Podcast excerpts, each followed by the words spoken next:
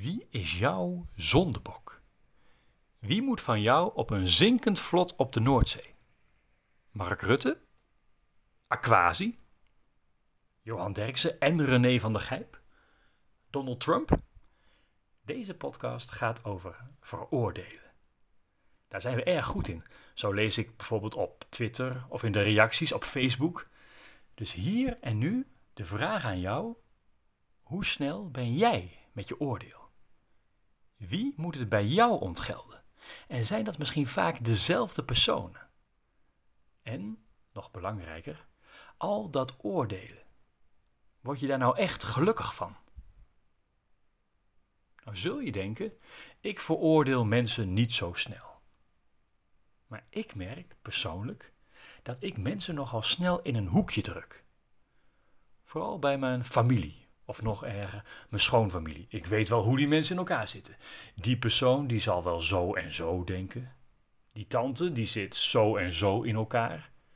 Dat kind van die en die die is altijd zwaar irritant. Dit soort vooroordelen zijn taai.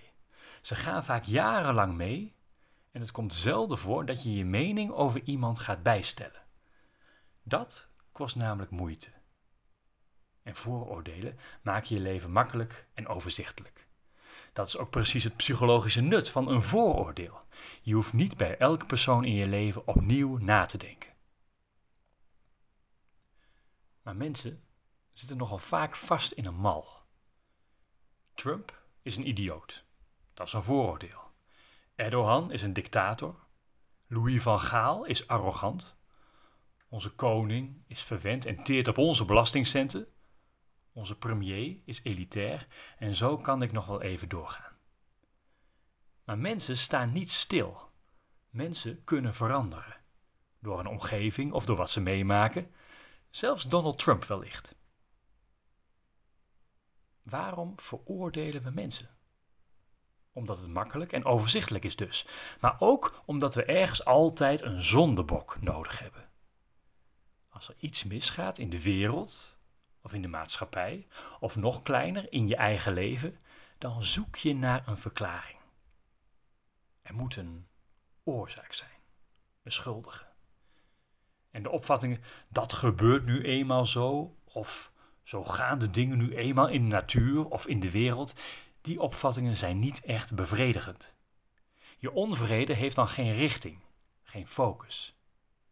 Een persoon is dat wel die kun je aanspreken. Die kun je aanklagen, vaak heel letterlijk. In het oude Israël had de hoge priester letterlijk de zondebok. Een bokje waarop symbolisch de zonden van het hele volk op werden gelegd. Dat dier dat werd aan de woestijn ingestuurd waar het, natuurlijkerwijs, door God gestraft zou worden. Dood. Wegzonde. Heerlijk toch? In het Nieuwe Testament is Jezus de zondebok. Hij is de persoon die alle zonden van de wereld wil dragen. Als je dan toch iemand de schuld wil geven, dan mij maar. Zo was zijn gedachte. Toch blijft het opvallend. Jezus leeft in een tijd waarin volop geoordeeld wordt. Het volk werd geoordeeld door God, zo was de gedachte. Ziekte was een oordeel van je eigen zonde of die van je ouders. De overspelige vrouw werd geoordeeld en op een haar na gestenigd. Tollenaars werden geoordeeld, net zoals melaatse, heidenen, onreine, noem maar op. Alles was meetbaar, alles was te beoordelen. Zondebokken in overvloed. Lijkt wel wat op 2020. En juist in die periode, in die wereld, klinken daar die woorden van Jezus Oordeel niet, opdat jij niet geoordeeld wordt. Want met het oordeel waarmee jij oordeelt, zul jij geoordeeld worden. En met de maat waarmee jij meet, zal jij gemeten worden. Revolutionaire woorden toen. Oordeel dus niet. Want het oordeel dat je hebt, zegt niet iets over die ander, maar over jezelf. Want hoe goed ken jij die ander echt? De Indianen in Amerika hadden ook al zo'n soort spreekwoord. Oordeel niet over iemand voordat je één dag in zijn schoenen hebt gelopen. Ken je die ander? Ken je hem echt? Ken je Aquasi? Ken je Johan Derksen? Ken je Trump? Nee. Zoek niet naar een zondebok. Want een leven met alleen maar schuld of schuldigen is geen mooie wereld. Sta open. Sta open voor de ander. Sta open dat die ander kan veranderen. En je dag zal een stuk lichter worden.